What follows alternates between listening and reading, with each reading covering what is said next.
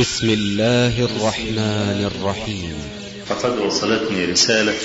إن فلانة الفلانة زميلتي في الجامعة وأنا بحبها جدا. واتفقنا على الجواز وما أقدرش أسيبها. وهو يسمي هذا حبا وهذا ليس بحب. حب تعريفه يختلف تماما عن هذا. إنما هذا يسمى وعاشروهن بالمعروف.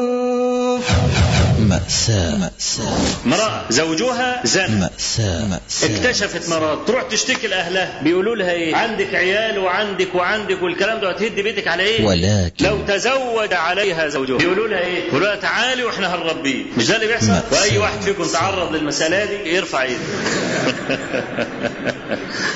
هلا مش حد شجاع وعاشروهن بالمعروف. ينبغي على الرجل أن يتفرس وأن ينتقي المرأة ذات الخلق. طبعا الأب مربي بنته علشان يبقى معاه سلاح. مش كده؟ مش بيقولوا كده؟ شهادتها سلاح. داخله تحارب بقى. الراجل بقى عمل حاجة كده ولا كده تقوم فاتحة كرشه على طول وتعيش لوحدها وتعيش بمرتبها وطز في الراجل طز في الراجل. وعاشروهن بالمعروف. في امرأة جت مع جوزها جوزها اتجوز عليها. فجاية تشتكي هذا الزوج لهذا الشيء. وبتحكي له بتقول له زنى وسامح لكن يتجوز عليا؟ الشيخ بقى بيقول لي قعدت أدور على البلغة. فين البلغة؟ فين البلغة؟ وعاشروهن بالمعروف. أمة الله. لا يجوز لأحد إذا غار أن يتجاوز حدود الله بأن يتكلم في الآخر. لا. فلذلك النبي صلى الله عليه وسلم رد اعتبار خديجة في هذا المجلس. أختاه. أي رجل في الدنيا يكره المرأة الغيراء ليه؟ ليه؟ لأنها بتطلع عينيه. وخير الأمور أوساطها. من غير قرب يمل ولا بعد ينسي وعاشروهن بالمعروف. قبل البداية. ينبغي على الرجل أن يتفرس وأن ينتقي المرأة ذات الخلق. التعدد. الست العاقلة. تقول إيه؟ تقول طيب طالما إن هو يتزوج طب ما أنا أختار له. ويبقى لي جميل عليه. يحمل لي هذا الأمر ويحمل لي هذا الجميل طول العمر. أختاه انتبه. إمتى الست تقول هذا الكلام؟ إذا كان زوجها وفيا ورجلا فاضلا. ليس خسيسا نذلا لأن الخسيس النذل يقلبها ويقلب غيرها. ولا يحمل جميلا لأحد. إنما هي إذا علم أن زوجها رجل فاضل عشرة. ودين عشرة. وصاحب مروءة معروف. ورجل حامل للجميل تتخذ الخطوة دي معاه فإنها إذا فعلت ذلك ارتفعت على سماء قلب. وعاشروهن بالمعروف. المرأة لو كنت أنت موافق عليها وممتازة والكلام ده ما تكتبش في القايمة إلا اللي أنت جبت. رفضت المرأة اللي خلقها خلق زيها وخلق أحسن منها كمان. ماشي يا عم؟ دي نصيحة أنا بنصحها لك. وعاشروهن بالمعروف العشرة بالمعروف وصيانة كل واحد للآخر هو ده الحكم. طيب أنا أنا أقول لكم حاجة أنا بس أقول لكم حاجة. نصيحة إلى كل رجل. بص يا عم أنت هو أنا رجل عندي أربع نسوة وبقول هو إن التعدد عز. التعدد عز. يعني واسأل مجرب ولا تسألش طبيب. عز. عز. وعاشروهن بالمعروف. تسجيلات المنار الإسلامية. يسرها أن تقدم لكم هذا الإصدار. وعاشروهن بالمعروف. وذلك لفضيلة الشيخ أبي إسحاق الحويني. والآن مع فضيلة الشيخ. تعالى نحمده ونستعين به ونستغفره ونعوذ بالله تعالى من شرور أنفسنا وسيئات أعمالنا. من يهد الله تعالى فلا مضل له ومن يضلل فلا هادي له وأشهد أن لا إله إلا الله وحده لا شريك له وأشهد أن محمدا عبده ورسوله. أما بعد فإن أصدق الحديث كتاب الله تعالى وأحسن الهدي هدي محمد صلى الله عليه وآله وسلم وشر الأمور محدثاتها وكل محدثة بدعة وكل بدعة ضلالة وكل ضلالة في النار. اللهم صل على محمد وعلى آل محمد كما صليت على إبراهيم وعلى آل إبراهيم في العالمين إنك حميد مجيد وبارك على محمد وعلى آل محمد كما باركت على إبراهيم وعلى آل إبراهيم في العالمين إنك حميد مجيد. قال ابن الجوزي رحمه الله في كتاب صيد الخاطر تأملت في فوائد النكاح ومعانيه وموضوعه. فرأيت أن الأصل الأكبر في وضعه وجود النسل لأن هذا الحيوان لا يزال يتحلل ثم يخلف المتحلل الغذاء ثم يتحلل من الأجزاء الأصلية ما لا يخلفه شيء. فإذا لم يكن بد من فنائه وكان المراد امتداد أزمان الدنيا جعل النسل خلفا عن الأصل. ولما كانت صورة النكاح تأباها النفوس الشريفة من كشف العورة وملاقاة ما لا يستحسن لنفسه جعلت الشهوة تحث عليه ليحصل المقصود. ومن هذا الفن يحصل كثير من المقصود من دفع هذه الفضول المؤذية بمنكوح مستجد. وإن كان مستقبح الصورة ما لا يحصل به في العادة. ومثال هذا أن الطاعم إذا امتلأ خبزا ولحما حيث لم يبق فيه فضل لتناول لقمة إذا قدمت إليه الحلوى فيتناول فلو قدم أعجب منها لتناول لأن الجدة لها معنى عجيب وذلك أن النفس لا تميل إلى ما ألفت وتطلب غير ما عرفت ويتخايل لها في الجديد نوع مراد فإذا لم تجد مرادها صدفت إلى جديد آخر. فكأنها قد علمت وجود غرض تام بلا كدر وهي تتخايله فيما تراه وفي هذا المعنى دليل مدفون على البعث لأن في خلق من همته متعلقة بلا متعلق نوع عبث فافهم هذا.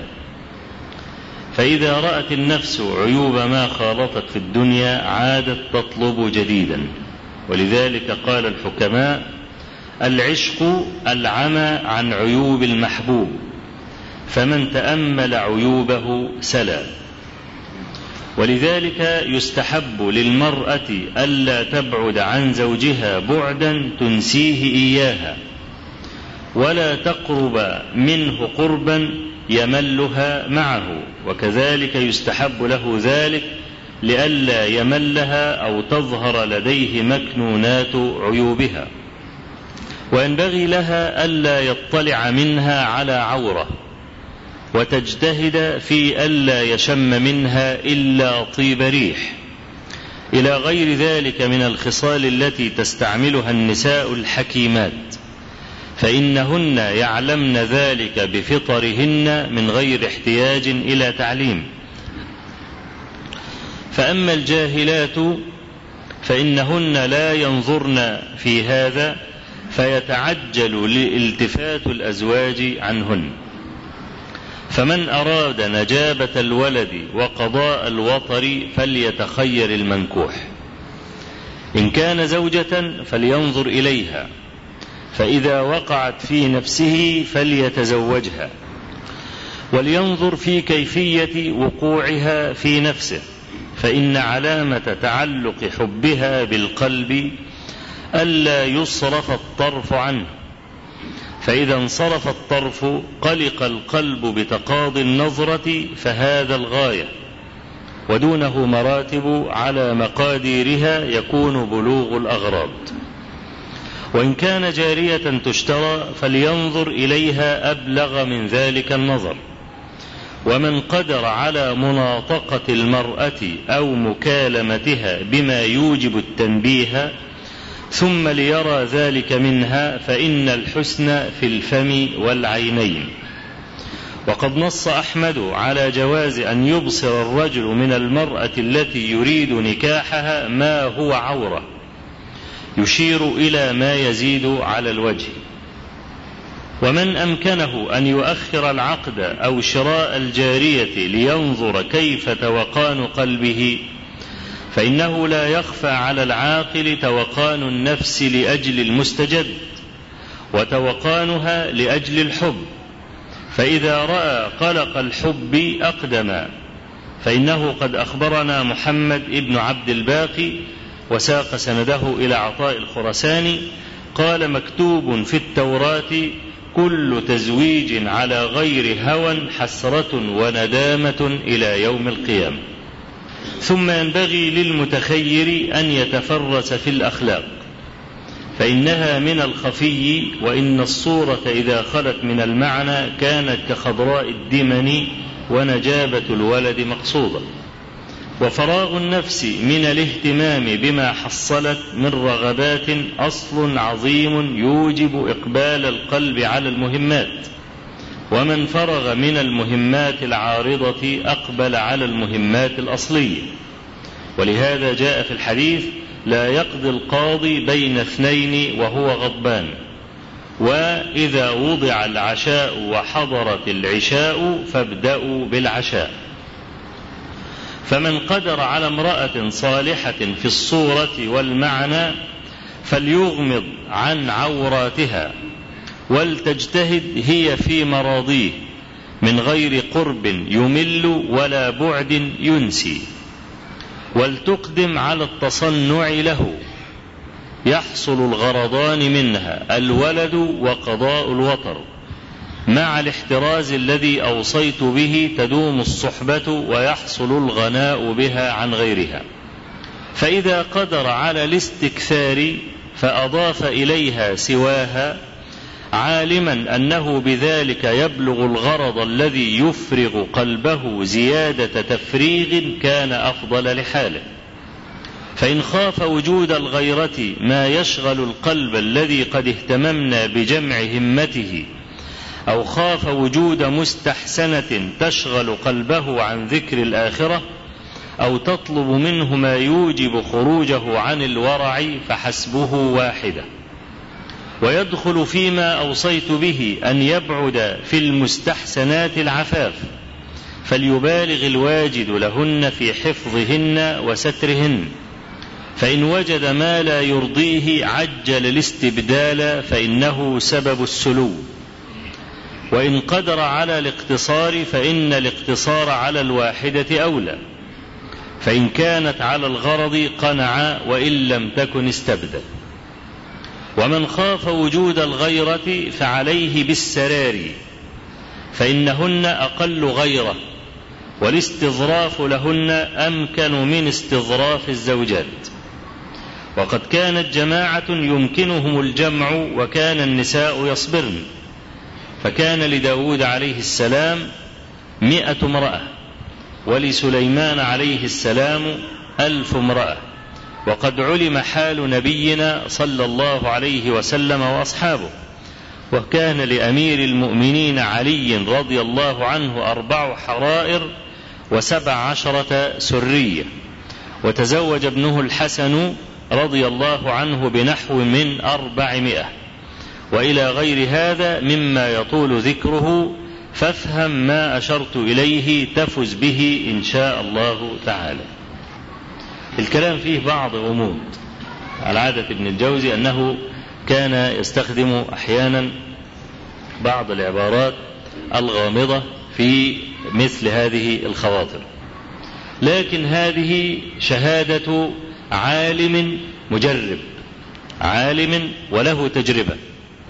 والتجربة أصل من أصول الشرع أيضا. يرجع الرجل إليها لا سيما إذا كان في موضع القاضي. ومن الدلائل على الاهتمام بالتجربة وأن لها أصلا شرعيا أصيلا قصة معراج النبي صلى الله عليه وسلم وإسرائيل. فلما أسري به إلى السماء ولقي موسى عليه السلام فقال ماذا أعطاك ربك؟ قال خمسين صلاة. فقال له إني جربت الناس قبلك وإن أمتك لن تستطيع فسر ربك التخفيف إلى آخر الحديث. فقوله إني جربت الناس قبلك ففي هذا دلالة على أنه يجوز أن نرجع إلى التجربة. ولذلك يكون على كلام العالم الذي خالط الناس من البهاء والحكمة ما لا يكون على كلام العالم حبيس المكتبات. فالرجل العالم الذي لابس الناس يستطيع أن ينزل النصوص الشرعية على واقع الناس وهذا جهد كبير يبذله العالم. يعني حفظ النصوص الشرعية أمر سهل. أن أحفظ النصوص كتابا وسنة لكن استخدام هذه النصوص في واقع الناس هذا أصعب ما يكون أصعب من حفظ النص. نص يعني موجود في كتاب فإن كان المرء ذكيا حافظا يستطيع أن يحفظ كتاب وكتابين من الأدلة.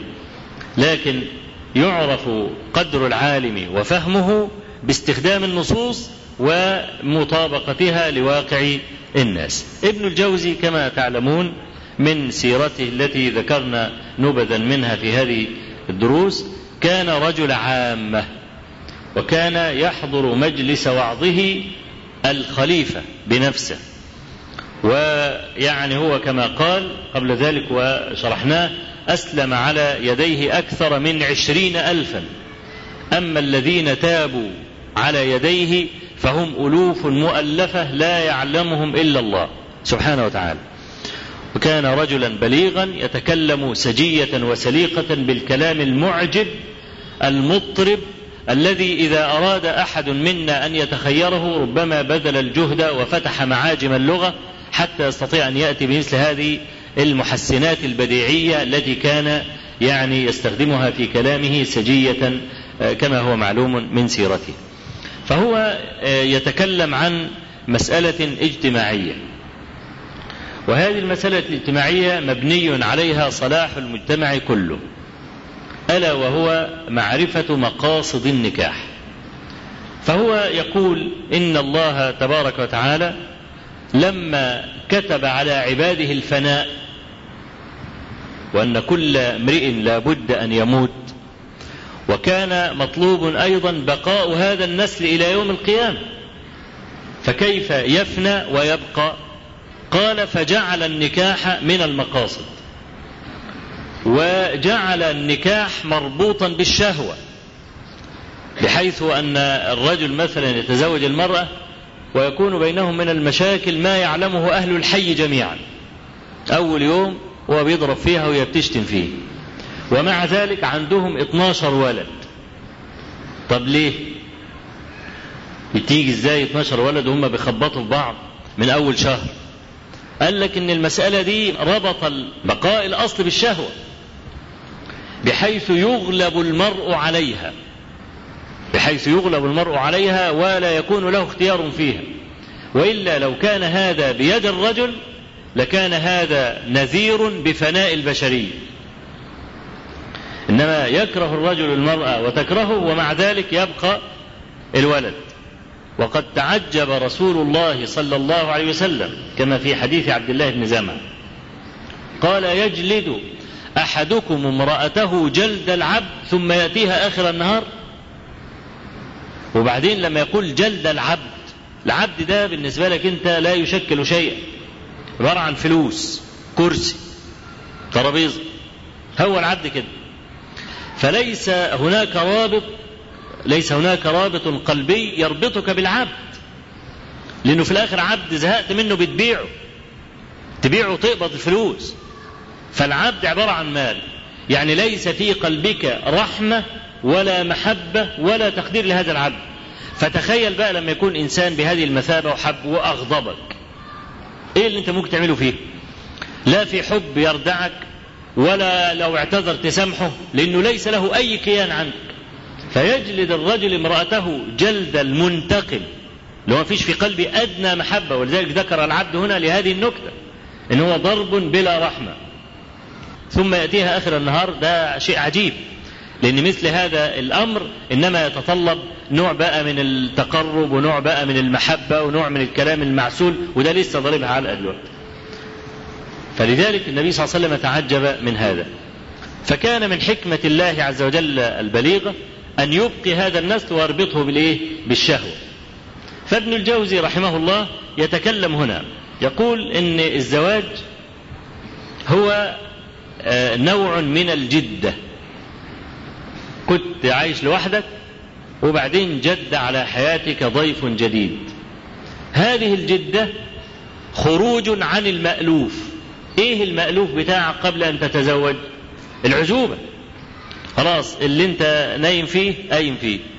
وبعدين تزوجت صار شيئا جديدا. فقال لك النفس عدو ما ألفت. فأنت عزب عزب عزب وبعدين تزوجت.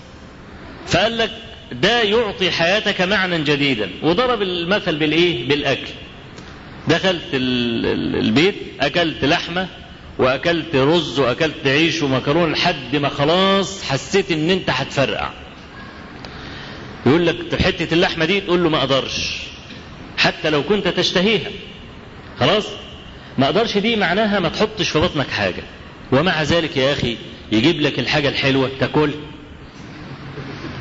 طب ما أنت لسه بديك حتة لحمة من شوية قلت له ما أقدرش.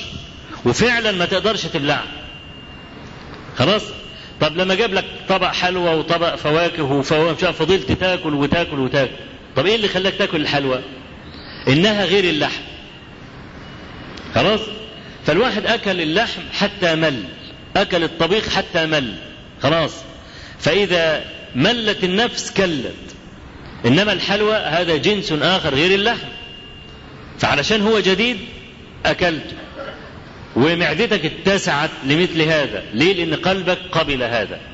وأنت عارف المعدة ده أحد الأعضاء اللي القلب بيحكمها. القلب هو الحكم هو الفيصل لأنه هو سيد الإيه؟ البدن كله. فالقلب إذا قبل يخلي الجوارح إيه تنفعل. فخلاص المعدة اللي كانت مكلبشة في بعضها دي قامت اتسعت علشان تاخد إيه؟ الحلوى والفاكهة والكلام ده. طبعا ده ما يعرفش يجيب الكلام ده إلا رجل عالم عارف بحقيقة النفس ولابس الناس وخالط الناس.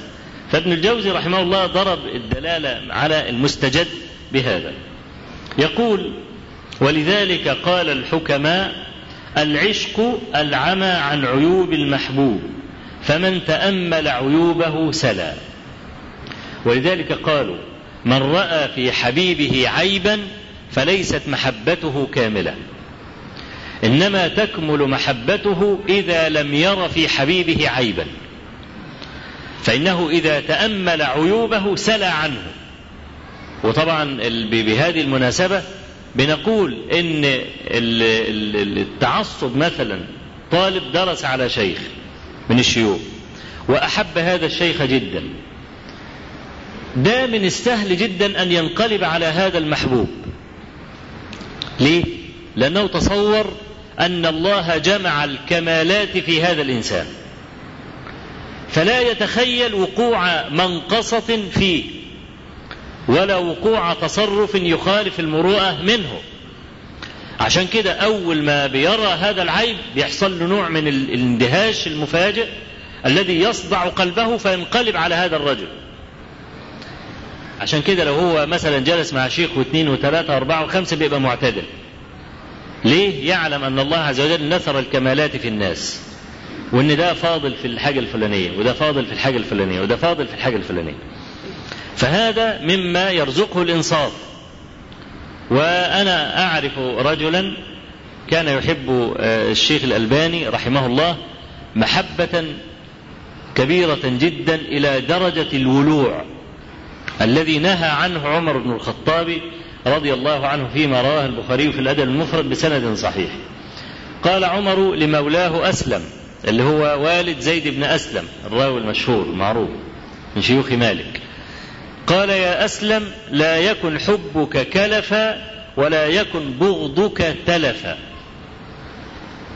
لما تحب لا تكلف ككلف الصبي. الولد الصبي لما يكون عايز لعبة يفضل يعيط لحد ما ياخدها وأول ما ياخدها يكسرها. خلاص؟ فبقول له لما تحب ما تعملش زي الولد الصغير. تفضل تعيط وتزن واخد بالك؟ ولما تكره ما تتمنلوش التلف. لكن كن معتدلا. لا هذا ولا ذاك. تمام؟ فهو كان بيحب شيخ الألبان درجة الولوع. الولوع هو اللي دخل الشيخ الألباني الأردن. فلما ذهبت الأردن أول مرة عشان ألقى الشيخ الألباني سنة 1407 في المحرم من أول هذه السنة كان بدأ هذا الرجل ينحرف عن الألباني وبعدين ده كان بقى لما يكون هو بي يعني يحب الألباني لدرجة الولوع. مش أول ما يقع يبقى صوفي. هو ده اللي حصل. فهذا من المدهشات صوفي. فدي مسألة أنا مش قادر أفهمها. ممكن يعني لما ينزل من الألباني ما يبعدش قوي قوي عن الاتجاه. لكن يقع من حالق يقع لحد ما يصل للدرك الأسفل. ويحضر بقى الحضرات والكلام ده والأولياء الله الصالحين والألباني رجل له تحذير الساجد من اتخاذ القبور مساجد أشوف ال فلما قابلته هناك فيعني لقيته كده إيه يعني كان لسه يعني بادئ في الانحراف بدء الانحراف كان شكله إيه؟ يقول يعني والله الشيخ الألباني شيخ جليل لكن في برضه ناس أجلاء. طب هو حد قال غير كده؟ هو الألباني لما قعد كده قال أنا الجليل الوحيد علشان تكتشف بعد عشرين سنة من الولوع وكان يطلع من الأردن يروح سوريا يلف وراه من كتر الولوع والمحبة. فالراجل الألباني ما قالش أنا الجليل الوحيد عشان تقول ده في أجلاء آخرون. خلاص؟ لكن هي المسألة تبتدي كده إن الألباني مش هو الوحيد. في ناس برضه فضلاء وفي ناس خالفوه الرأي وفي هو قال الذهب المحلق حرام برضه في ناس فضلاء قالوا مش حرام. ماشي؟ إذا كانت المسألة كده لا بأس. لكن هي دي كانت البداية اللي هو التجمل لأنه مش معقول ينحرف 180 درجة فجأة كده. الرجل ده النهاردة يعني راجل صوفي محترم وصاحب بقى طريقة والكلام ده. ده السبب في كده إيه؟ الغلو. الغلو. عشان كده تجد من الإنصاف والخير على الطالب اللي له أكثر من شيخ تجد فيه من الإنصاف أكثر من الطالب الذي توفر على شيخ واحد. ده يقوم إيه؟ ده يقوم ما يتحملش وقوع عيب فيه. لما ذهبت للشيخ الألباني رحمه الله كان في مشكلة ما بينه وبين الشيخ محمد نسيب الرفاعي. رحمه الله. الشيخ محمد نسيب الرفاعي ده رجل يعني كانت أخلاقه في الذروة. قل من الناس من لقيته يتجمل بهذا الخلق مثل الشيخ محمد نسيب الرفاعي رحمه الله. اللي هو صاحب كتاب التوصل إلى حقيقة التوسل وصاحب كتاب تيسير العلي القدير باختصار تفسير ابن كثير. رجل متوسط في العلم ولكن أخلاقه في الذروة. فلما رحت أنا برضو المذكور الذي انقلب على الشيخ الألباني لما رحنا نزور الشيخ محمد نسيب رحمه الله فوجدت رجلا كما ذكرت قمة في الأخلاق وكان شديد المحبة والامتنان للشيخ الألباني. يقول أنا مدين في حياتي لرجلين الأول ابن تيمية والثاني الألباني. برغم أن هم في السن قريب من بعض يعني الفرق سنتين أو ثلاثة. وكان هو اللي يعني قائم بأعباء الدعوة السلفية في حلب. والشيخ الألباني كان في دمشق. وكانوا بقى يعملوا إيه؟ تزاور. حصل خلاف على مسألة علمية. وهي هل زوجات النبي صلى الله عليه وسلم معصومات من الزنا أم لا؟ خلاص؟ الشيخ محمد نسيب الرفاعي رجح العصمة. قال نعم معصومات من الزنا. الشيخ الألباني قال لا لسنا معصومات من الزنا وإن كنا نعتقد أنهن متن عفيفات. لأن العصمة تحتاج إلى دليل زي عصمة النبي صلى الله عليه وسلم. إحنا بنقول لا احد معصوم الا الانبياء. خلاص؟ وليس معنى انه يجوز عليك الزنا انك زنيت. كل انسان ما دون الانبياء مثلا يجوز عليه الكفر. ولا لا يجوز؟ من جهة العقلية يعني المحضه يجوز عليه كفر ولا يجوز؟ يجوز. لكن هل وقع منه كفر؟ لا ما وقعش منه كفر. لا فمسألة الجواز شيء والوقوع شيء آخر. شيخ الألباني يقول لا دليل عصمة يحتاج إلى نص. فالمهم شوف المسألة البسيطة دي قامت إيه؟ دخل فيها بقى سين وصاد ولام وعين كبرت المسألة قوي حصل خصومة ما بينهم الاثنين فالشيخ الألباني لما رحت عند الشيخ نسيب رفاعي قلت له والله الشيخ محمد نسيب يسلم عليك ويعني أثنى عليك خيرا. بعد ما عرفت الحكاية ويقول كذا وكذا ومش عارف إيه والكلام ده. فقال لي يعني الشيخ الألباني إذا لقيته فقول له السلام على من اتبع الهدى. طبعا لم أقل هذا طبعا للشيخ نسيب وحكى لي الشيخ الألباني الحكاية. حتى طلبت إن أنا أسجل قال لا تسجل. إنما حفرت هذه الحكاية في قلبي وفي ذهني أكثر من الحوارات التي سجلتها. وليتني ما سجلت للشيخ شيئا اذا لحفظت كل كلمه قالها. كما حفظت هذا المجلس الذي امتد ثلاث ساعات مع الشيخ الألباني رحمه الله. لم أرى برغم سماعي للحوار من الشيخ الألباني والشيخ نسيب الرفاعي لم أرى أي غضاضة على الشيخ نسيب الرفاعي في هذا. ولم أرى غضاضة على الشيخ الألباني في هذا. وقدرت أن هذا يمكن أن يكون داخل فيه برضه شيء من مسألة مسائل الأقران والكلام ده وخلاص. مع أن الشيخ الألباني يعني عندي في السماء أنا فتحت عيني على الدنيا بكتب الشيخ الألباني. ولا أزال يعني أدعو له حتى ألقى الله تبارك وتعالى. لأنه الخير اللي أنا فيه ده كله كان سبب هذا الشيخ الجليل. ولا أقدم عليه أحدا أبدا. ولا يتقدمه أحد في قلبي. ومع ذلك ما لم أجد مطلقا على الشيخ محمد نسيب الرفاعي. ليه؟ علشان الواحد قدر يقعد مع شيخ واثنين وثلاثة قبل ما يلقى هؤلاء المشايخ. فمسألة الإنصاف دي بتيجي بإيه؟ بتيجي بأن تتوفر همتك على أن تجلس مع أكثر من شيخ إنما تقصر حياتك ونظرتك ومحبتك على شيخ واحد هذا الشيخ رجل كالرجال عنده عيوب وعنده بلاوي مسيحة أنت ما تعرفهاش. وقعت مرة على خطأ لن تحتمل وقوع الخطأ منه. طبعا في الأول لا يمكن تتهمه هتتهم نفسك الأول؟ تتهم عينيك؟ تتهم فهمك وبعدين لما يكتر عليك الموضوع قوي هتبتدي تندهش إزاي الشيخ الجليل الفاضل ده يقع منه هذا الكلام. يبتدي هذا الاندهاش يتحول شيئا فشيئا إلى نوع من الارتداد والانتكاس لحد ما يقوم واقع في القعر الصوفية زي ما وقع لصاحبنا ده. فعلشان كده إيه يقول لك إياك والعشق. ليه؟ لأن العاشق لا يرى في محبوبه عيبا. إذا وقف على عيوبه سلا. سلا يعني ينساه خلاص ما عادش هو الرجل الكامل. فعشان كده ابن الجوزي بقى إيه؟ قال بقى الوصايا التي ينبغي للرجل والمرأة جميعا أن يتحلى بها. لأن كثير من المشاكل بكل أسف التي تعرض لي أحد أسبابها الرئيسة هذا الذي حذر منه ابن الجوزي رحمه الله. إهمال الرجل والمرأة للنظافة الشخصية. هذه مسألة تسيء إلى الرجل والمرأة معا. فأنا لا أفهم مثلا الرجل طول النهار بيشتغل بره والدنيا حر وعرق والكلام ده هو. أول ما يدخل بيته لا يغتسل. إزاي يعني؟ امرأة طول النهار في المطبخ والثوم والبصل والبتاع والكلام ده إذا جاء الليل كيف لا تغتسل؟ دي مسألة غير مفهومة. فيش حاجة اسمها كسل في المسألة دي. ليه؟ لأن هذا مما ينفر.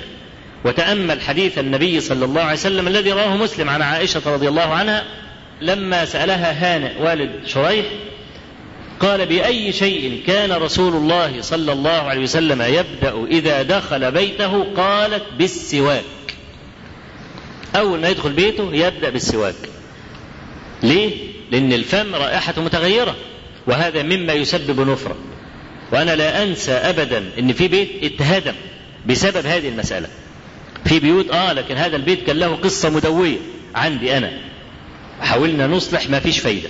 كان السبب إيه؟ كان سبب هذا البخر وتغير رائحة الفم. وانهدم البيت وكان فيه حوالي ست سبع أولاد. بسبب المسألة دي. طيب أنا لما ابقى أقيس بقى المصالح والمفاسد أضيع ست سبع أولاد ولا أتعهد هذه المسألة؟ في حديث برضه في الصحيح لما جاءت امرأة إلى النبي صلى الله عليه وسلم تسأله عن عن إدبار الحيض. المرأة إذا انتهى حيضها ماذا تفعل؟ قال صلى الله عليه وسلم لها خذي فرصة ممسكة فتطهري بها. فرصة قطعة من القطن ممسكة يعني مبلولة بالمسك أو العطر فتطهري بها أي تتتبع المرأة موضع الدم وتتطهر وتطهر هذا المحل بالعطر فالمرأة ما فهمتش قالت كيف أفعل ذلك يا رسول الله؟ فتلون وجهه وقال سبحان الله تطهري بها. قالت كيف يا رسول الله؟ قالت عائشة ففطنت فأخذتها فعلمته. فلما النبي صلى الله عليه وسلم يعني يوصي النساء بهذا كيف تهمل النساء مثل هذا الأمر؟ ده كان سبب من أسباب الشقاق بل من أسباب التفات الرجل عن المرأة زي ما ابن الجوزي بيقول يستجد امرأة غيرها. بسبب إيه؟ بسبب إهمال المرأة لهذا الجانب الرئيسي. يقول ابن الجوزي وهو يعالج هذه الظاهرة الاجتماعية لأن البيت إذا اتهز أول ناس بيتضروا الأولاد بسبب فقدان هذا الدفء الأسري. لازم الأولاد يعيشوا في هذا الدفء، يطلع الولد بيحب الالتزام. ليه أبوه رجل محترم وأمه محترمة لما بيحبوا يعاتبوا بعض مش أمام الأولاد ولما يعاتبوا بعض وعايزين يزعقوا وصوتهم عالي يخرجوا الأولاد. يطلعوا الشارع يروحوا يشتروا حاجة بتاع ويهبشوا ببعض خلاص؟ مفيش فايدة لما مش قادر يصبر لحد الصبح خلاص يبقى يوطوا صوتهم. وهم في داخل الأوضة يوطوا صوتهم عشان الأب يفضل محترم والأم تفضل محترم. الأولاد لما بيكبروا أب بيشتم الأم والأم بتشتم الأب يطلع الولد بيحتقر اللحية وبيحتقر النقاب. كل اسف دي ظواهر موجودة في هذا المجتمع الصغير اللي إحنا عمالين نربي فيه. هذا بكل أسف موجود.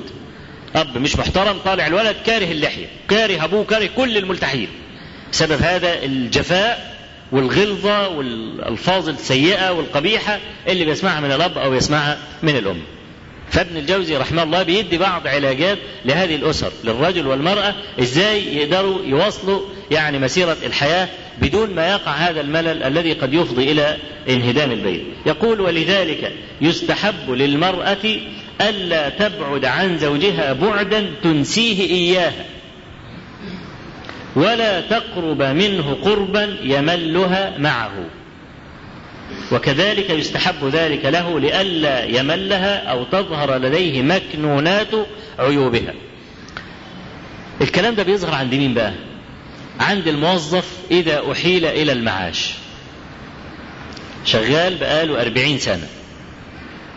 يطلع الصبح ما يرجعش إلا على وش العصر يتغدى إذا كان يقعد يريح ساعة ولا بتاع ينزل يقعد على القهوة أو يروح مع أصحابه. المرأة حرة تعمل كل اللي هي عايزاه. والراجل مش فاضي.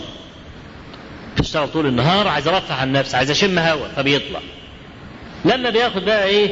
الأجازة بقى الكبيرة يوصل 60 سنة ويقعد بقى فبيقعد في البيت. يبتدي يعمل مشاكل للست. والست بقى تضج ويبقى نفسها الراجل ده أي حد ياخده شغلانة ما يرجعش إلا آخر النهار. ليه؟ فاضي. بدأ إيه؟ يرى ما لم يكن يراه أو كان يراه لكن قلبه لم يكن متفرغا له. الكوباية دي محطوطة هنا ليه؟ ودي ما اتغسلتش ليه؟ والجزمتين دول الشمال جنب بعض ليه؟ مش محطوطة كل جزمة فردة جنب أختها ومرصوصين في الجراج ليه؟ مثلا الملاية دي معوجة ليه؟ الست بقى مش فاضية للكلام ده. يدخل المطبخ. طب المواعين دي كلها مكركبة ليه؟ ما بتغسليش ليه؟ طبق أول بأول. مثلا البتاع ده إيه؟ الواد ده إيه؟ البتاع ده إيه؟ الست تضج. بدأ الرجل يرى عيوب المرأة. كان قد عمي عن عيوبها ليه؟ لأن عنده قلبه مشغول بحاجات كتير. أول ما يوصل للستين سنة يبتدي يعمل إيه؟ أرق ويعمل بقى قرف للست. تبقى الست نفسها الراجل ده حد يشوف له شغلانة ولا حاجة عشان هي كمان تعودت على إنها تكون سيدة البيت، هي المتصرفة في البيت. فهو قرب الرجل المستمر من المرأة يتيح له أن يرى عوراتها، العورات اللي العيوب يعني. فده كله إيه؟ يجعل الرجل يمل. كذلك المرأة. فابن الجوزي بيقول لا يقربوا من بعض ويبعدوا يقربوا ويبعدوا. طبعا أحسن وسيلة لهذا والكلام ده مش هيعجب طبعا النساء التعدد. خلاص؟ يعني الرجل مثلا لما يكون متزوج بأكثر من امرأة بيتيح للمرأة أن تتخلص من خدمته يوما أو يومين أو ثلاثة. خلاص؟ وإذا كانت امرأة متعبدة تجد من الوقت للتعبد والتفرغ لربها إذا خلا يومها من زوجها. ده إذا كانت ست متعبدة وست فاضلة أو مثلا عندها مهمات علمية أو مهمات دعوية أو الكلام ده خلاص قلبها منشغل وممتلئ بهذه المعاني الكبيرة إذا جاء زوجها توفرت همتها على إنها تخدمه وتقترب منه. ليه؟ لأن بقى لها ثلاث أيام ما شافتوش مثلا أو يومين أو يوم. فده نوع من البعد اللي هو إيه يجعل للحياة طعم. خلاص؟ وذلك ابن الجوزي يقول هنا يقول الرجل يجوز له أن يستجد امرأة بس بشرط يكون هذا الأمر مما يدفعه إلى الأمام ويفرغ قلبه لربه. لكن ما فيش أي معنى يروح يتجوز واحدة وهما الاثنين ينقروا بعض وهو الضحية اللي إيه؟ اللي في النص. لا عارف بقى يعبد ربنا ولا عارف يعمل حاجة ولا بتاع وماشي يكلم نفسه في الشارع. اللي يعمل الكلام ده هذا رجل أحمق. اللي هو يقدم على هذه الخطوة ويبدد عزم قلبه ويضيع رأس ماله اللي هو حياته. مفترض إن الخطوة دي يزداد الرجل بها يزداد إما يزداد في حياته أو يزداد في اخرته لكن ال ال الهدف يعني من المسألة إن إيه؟ إن يبقى فيه نوع من الموازنة في البعد والقرب.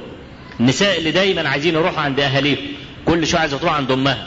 وتروح عند أمها تقعد بقى بالخمس ست أيام على أساس إن إيه؟ يعني تجيب مناخير الراجل الأرض أو تذله بقى والكلام ده زي ما إحنا بنشوف. الكلام ده هي اللي غلطان. لأن الرجل يبدأ في السلو عنها. خلاص هي بتروح كده خلاص. يبتدي الرجل يفكر طب ماذا أفعل؟ أنا كده لا متزوج ولا آه يعني عزب. يبتدي يفكر في أن يستجد امرأة أخرى تبقى الست هي الخسران. فابن الجوزي رحمه الله بيقول لك إيه؟ يعني كلا طرفي أمر الأمور ذميم يعني خليك في الإيه؟ خليك في الوسط. ويقول ابن الجوزي رحمه الله وينبغي لها ألا يطلع منها على عورة وأن تجتهد في ألا يشم منها إلا طيب ريح. إلى غير ذلك من الخصال التي تستعملها النساء الحكيمات. روى الإمام النسائي في سننه أن امرأة قالت يا رسول الله إن المرأة إذا لم تتزين لزوجها صلفت عنده. أي ثقلت عنده وكره النظر إليها. طب ليه إحنا بنأمر النساء إنها تتصنع للزوج وتتزين وتبقى في كامل زينتها؟ لأن المرأة زينة في الأصل. الرجل ممكن يقبل. كده هو. خنشور كده ويتقبل. والست تبقى بتحبه جدا. لكن الراجل ما يحبش إلا الست الكويسه ليه؟ المرأة زينة. لكن الرجل مش كده.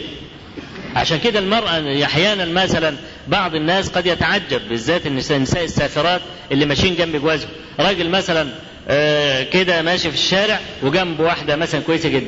بعض الناس يقول لك يا أخي غريبة إزاي الست دي قبلته؟ آه لأن الرجل مش موضع الزينة. المرأة هي اللي موضع الزينة. عشان كده يقال للمرأة تزيني وتعطري وتنظفي. ليه؟ لأنها في موضع الزينة وليس الإيه؟ وليس الرجل.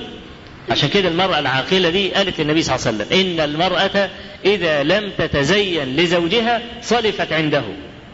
عشان كده الست اللي هي شعرها أبيض دي اللي كل شوية قرفانة بمقال مش عايزة تلون شعرها. ليه؟ تقول لك ما فيش راجل يستاهل ألون شعري عشان.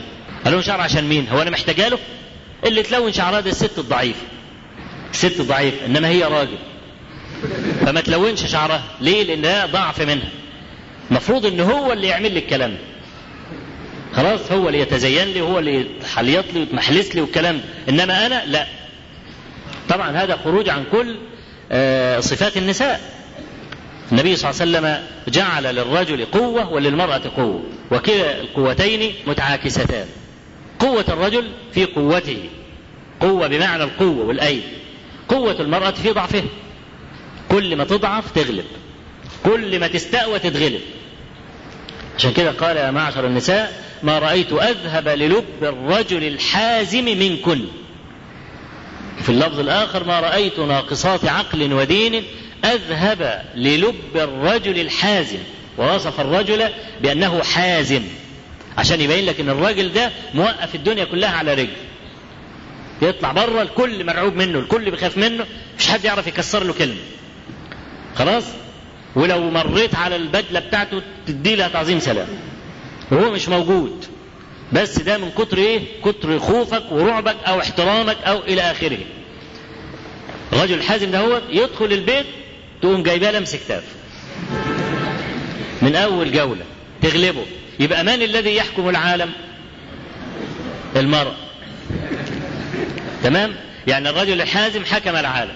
وهي تحكم الرجل الحازم. يبقى المرأة هي التي تحكم العالم.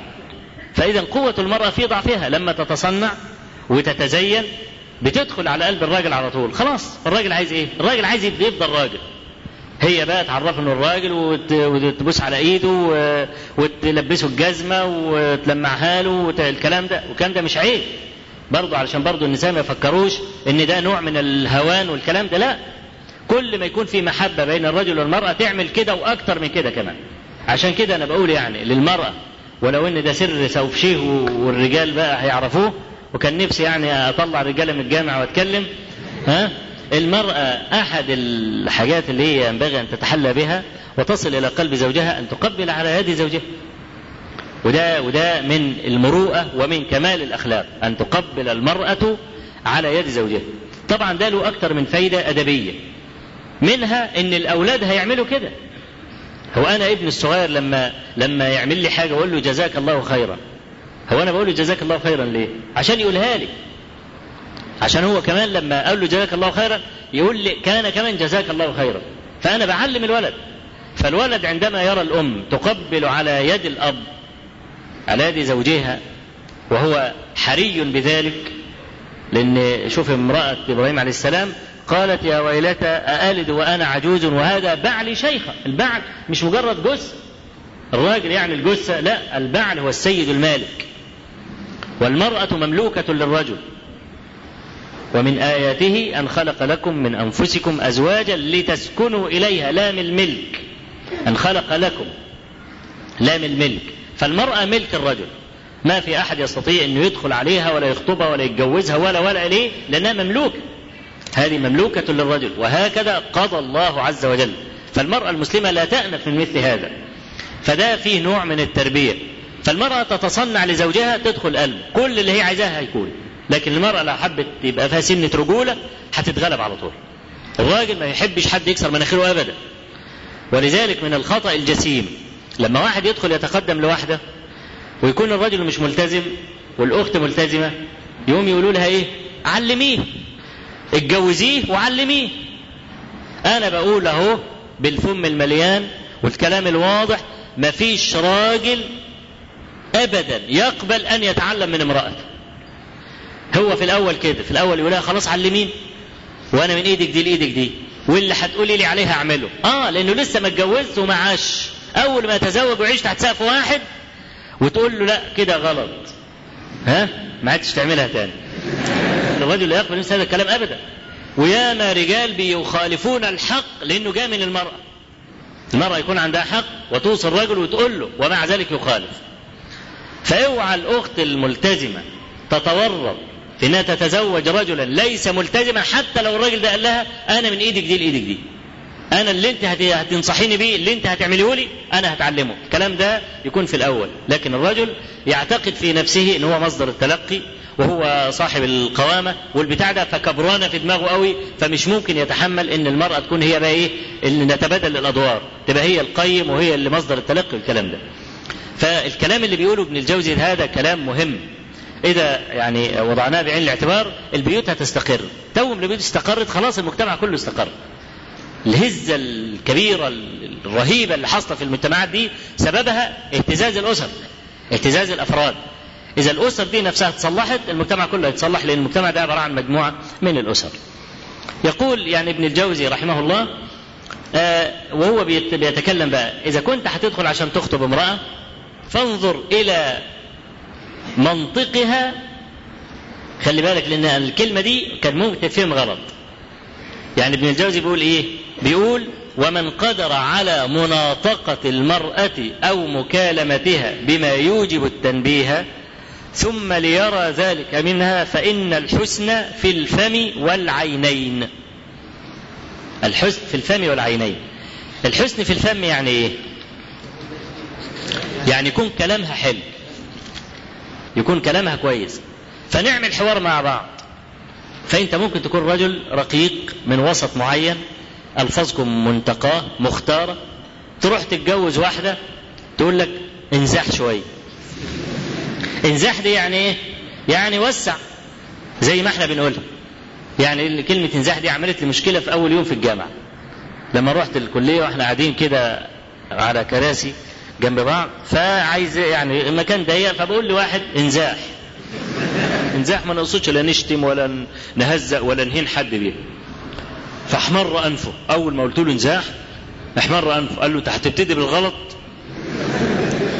ده أول يوم دخلنا البنش مع بعض. فأنا طبعا اندهشت. إيه اللي أنا عملته؟ أنا ما عملتش حاجة يعني سواء إن أنا قلت له انزاح أو الكلام ده. فعرفني قال لي يا أستاذ أنا مش رزيه ولا زحلة عشان تقول لي انزاح. خلاص؟ طبعا برضو ما استوعبتش اطلاقا الكلام ولقيت إنه مش محق لأن أنا ما قلتش حاجة تستحق المسألة. ما عرفتش الكلام ده ليه إلا بعد ما نحن أهل البداوة خلطنا أهل الحضر. جماعة اللي بياكلوا بالشوكة والسكينة وبيمشوا على طراطيف صوابعهم دول ها؟ ورحنا وعرفنا الطباع والكلام ده. عرفت إن الكلمة اللي أنا قلتها دي كانت فعلا كلمة إيه؟ قوية لكن اختلاف الأعراف والكلام ده كان السبب في المسألة دي. في بيئة تحتمل إنك تقول مثل هذا الكلام وأطم من هذا الكلام لكن كلهم متعودين على كده ولا يروا في هذا غضاضة. فأنت عندما تتزوج من طبقة أخرى مختلفة ممكن تعبيرات المرأة نفسها تثير الضجر عندك. ما تقدرش إنك أنت تاخدها وتزور بها حد. ليه؟ لأنها هتتكلم بألفاظ ممكن أنت تشعر بالعار أو الخجل أو الكلام ده. فقال لك يعني إيه؟ يحصل نوع من المناطقة. عشان كده لما الرجل يدخل يتزوج المرأة بيحصل نوع من الحوار. خلاص؟ الحوار ده هو مهم وضروري. اتكلم في كل حاجة. أول جلسة عرقان ومكسوف وحاطط وشك في الأرض عندك برضو مرة واثنين وثلاثة وأربعة وعشرة وعشرين وثلاثين وأربعين لحد ما تجد من هذه المرأة الأخلاق التي تسمح لك أن أن تتزوجها أو أن نفسك نفسك تنفرد وتقبل المرأة دي امرأة تصاحبك في رحلة حياتك. فرؤية الرجل للمرأة مش مقصورة على مرة واثنين وثلاثة وأربعة، بس أول ما يصل إلى قرار وقناعة من خلال الحوارات أن خلاص ستيت تصلح خلاص ينتهي الأمر على كده. ومن البدع القبيحة اللي أنا أراها قبيحة الحقيقة إن المرأة تعقد اختبارا للرجل في العلوم الشرعية وتقعد بقى تسأله وفي المسائل الفلانية وما المسائل العلانية وتعقد له بقى وقريت كتاب إيه؟ وكتاب إيه ما قريتوش ولخصت الكتاب الفلاني زي ما بيحصل. طالب علم عايز يدخل ياخد طالبة علم. خلاص؟ لا. أنا يعني بقول إن طالب العلم لما ياخد طالبة علم واحد منهم هيسيب العلم. التجربة بتقول كده. يندر يندر أن يستمر جميعا على هذا الطلب. لازم واحد هيسيب. خلاص؟ وفي الغالب الست اللي بتسيب عشان بقى الخلفة والولاد والتربية والأضياف والبتاع والكلام ده هي اللي بتترك الإيه؟ المسألة دي. فعشان كده مسألة إن أنا أقعد أختبر آه أنا أعرف الأول التوجه الرجل العقائدي وتوجه الرجل السلوكي على سبيل الإجمال من خلال حوارات تبقى حوارات جاية في سياق الكلام. ما أعملوش لجنة امتحان. إنما أقول هذا الكلام في النص. ممكن أعرف توجه هذا البني آدم من نوعية المشايخ اللي هم حصيلة معلوماته وعلمه من خلال. لما يقول أنا بسمع الشيخ الفلاني والفلاني والفلاني بعرف إجمالا هذا الرجل توجهه العام كذا. آه الست برضو تستوثق. ليه؟ لأنها داخلة سجن. فلازم تعرف السجان بتاعها ده هيطلع إيه. ماشي؟ لكن ما تبقاش المسألة واصلة إلى حد الصرامة والأسئلة بقى في الفروع الفقهية والكلام. ده أنا شايف إن هو زايد تماما عن الحد. فهو المناطقة والكلام. دي مسألة تتخيرها وتحسنها. مسألة النظر بقى والعين. العين هي طليعة القلب وجاسوسه ومقدمته. عشان كده العين هي المترجمة لما في القلب. والعين هي التي تجعل الوجه ينطق بالحزن أو بالفرح. العين لها ضي. الضي بتاع العين ده أنت تبصره وتحسه ولا تستطيع أن تصفه. تلاقي في الفرح عينه بتلمع في لمعان كده في العين. فالعين دي هي جاسوس القلب. وهي أقرب الأعضاء إلى القلب. القلب طبعا أنت عارف ده ملك البدن وهو صاحب الإرادات. فكل ما يكون جارحة من الجوارح أقرب إلى صاحب الإرادات كانت أهم لأن القلب لن يصطفي إلا أهم الجوارح. ولذلك لما تأملت في كتاب الله تبارك وتعالى آه هذا الأمر وجدت أن العين تكون ضميمة للقلب. في السرور وفي الفزع. قال الله تبارك وتعالى فاعتبروا يا أولي الأبصار. فالاعتبار يكون بالقلب والبصر يكون بالعين. وكما قال الله تبارك وتعالى ونقلب أفئدتهم وأبصارهم كما لم يؤمنوا به أول مرة. الفؤاد اللي هو القلب وادي البصر مضموم إلى الفؤاد كما ترى. وفي قوله أيضا تبارك وتعالى فإنها لا تعمى الأبصار ولكن تعمى القلوب التي في الصدور. قلوب يومئذ واجفة أبصارها خاشعة. تلاقي دايما القلب دايما إيه؟ البصر مركون له على طول لأن هو الذي يدل على الذل اللي هو البصر أو يدل على غير ذلك. ومن ذلك أيضا قوله تبارك وتعالى يخافون يوما تتقلب فيه القلوب والأبصار. ومن ذلك قوله تبارك وتعالى يعلم خائنة الأعين وما تخفي الصدور. إلى آخر يعني هذه الآيات التي تجد القلب أو الفؤاد مقرونا بالبصر في ذلك. فلأجل هذا كان البصر له من الأهمية الكبرى. النبي عليه الصلاة والسلام لما جاءه المغيرة بن شعبة. كما رواه أصحاب السنن إلا أبا داود بسند جيد. قال إني خطبت امرأة من الأنصار. قال هل نظرت إليها؟ قال لا. قال فانظر إليها فإنه أحرى أن يؤدم بينكما أي أن يدوم الود بينكما. روى سعيد بن منصور في سننه هذه الزيادة. قال فذهبت إلى أبويها. فقلت لهما إن رسول الله صلى الله عليه وسلم أمرني أن أنظر إليها. قال فسكت. ابن قدامة في المغني نقل الرواية عن سعيد بن منصور قال فكره فكره طبعا ليه ابن قدامة كان إيه؟ بيعقد فصل كده في جواز أن يرى الرجل المرأة التي يخطبها دون إذنها أو دون إذن أبويها.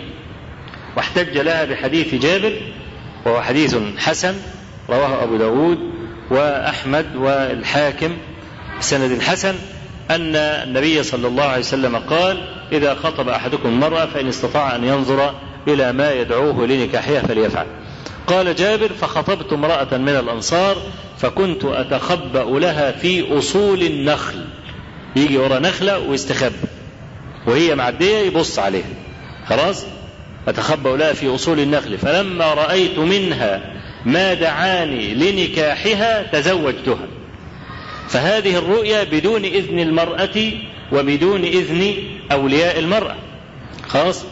فهو ابن قدامة يعني عقد بقى إيه الباب عشان كده.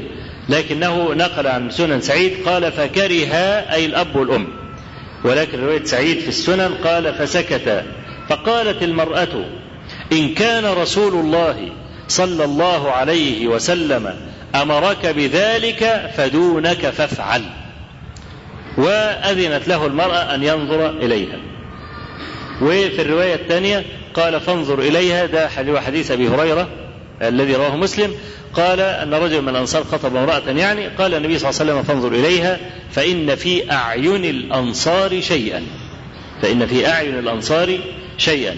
وفي بعض الروايات فإن في أعين الأنصار صغرا. صغرا. تعرف العين الصغيرة دي ليست محبوبة إنما العين الواسعة هي العين الإيه؟ العين الجميلة. عشان كده نساء أهل الجنة وصفهن الله عز وجل بقوله حور عين. والحور شدة بياض في شدة سواد. فأنا بستغرب من اللي بيحب العيون الخضراء والزرقاء والكلام ده. نساء أهل الجنة عينهم مش ملونة. نساء أهل الجنة الحدقة شديدة السواد في شدة بياض. هو ده الجمال. عين يعني عينها واسعة. خلاص؟ فهذا مستملح. كل ما المرأة تكون عينيها واسعة مش فارغة يعني. لأن لو عينها فارغة طلع عينيه ها؟ لا عينها واسعة. كل ما تكون عينها واسعة كل ما تكون إيه؟ أحب وأبهى في المنظر. فالنبي عليه الصلاة والسلام علل ذلك.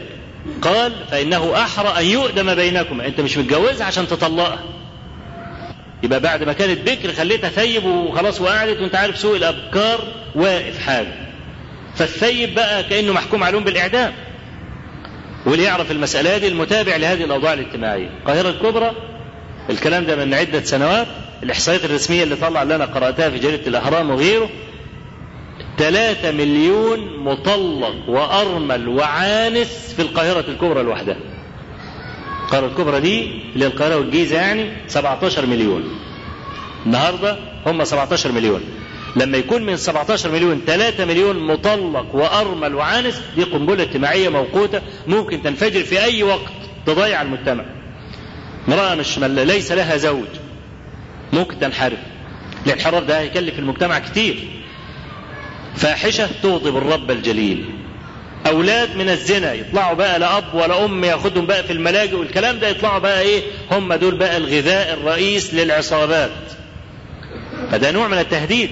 الاجتماعي اللي المفروض الناس ينظروا إليه نظرة جدية حتى لا تقع هذه الكارثة التي نسأل الله عز وجل ألا تقع في مجتمعات المسلمين. فأنت متزوج عشان العشرة تدوم بينكما. فما تجيش بقى تقول أصل أنا كنت مكسوف أصل أنا كنت حاطط وشي في الأرض أصل أصل أصل. لا. النبي صلى الله عليه وسلم أمرك أن تنظر. يبقى العين طليعة القلب. وسبحان الله صاحب الفراسة لا تخطئ عينه من أول مرة. أول ما يشوف يدي الحكم على طول لو ده إنسان متزن. ليه؟ كما قلنا العين طليعة القلب وهي أقرب شيء إلى القلب صاحب الإرادة اللي بتجتمع في الإرادات والعزائم. عشان كده إذا البصر أعجبه شيء على طول القلب ممكن يعقد الإرادة على محبة هذا أو على بغض هذا. ابن الجوزي بيقول بقى إن إحنا إيه؟ بننظر إلى مواقع الكلام وننظر إلى ما تمليه علينا العين. قال وقد نص الإمام أحمد على جواز أن يبصر الرجل من المرأة التي يريد نكاحها ما هو عورة. في مذهب أحمد قولان. القول الأولاني اللي هو المتفق مع قول أكثر أهل العلم وهو أنه لا يجوز أن يرى منها إلا الوجه والكفين. القول الثاني أنه يجوز أن يرى منها ما هو عورة. وأن تكون المرأة بثياب المهنة فلا بأس أن يرى عضدها تدخل عليه بنص كم مثلا أو أن يكون الثياب بتاعها إلى نصف الساق أو إن هو يرى فتحة صدرها أو إنه يرى شيئا من شعرها. ده على القول الثاني.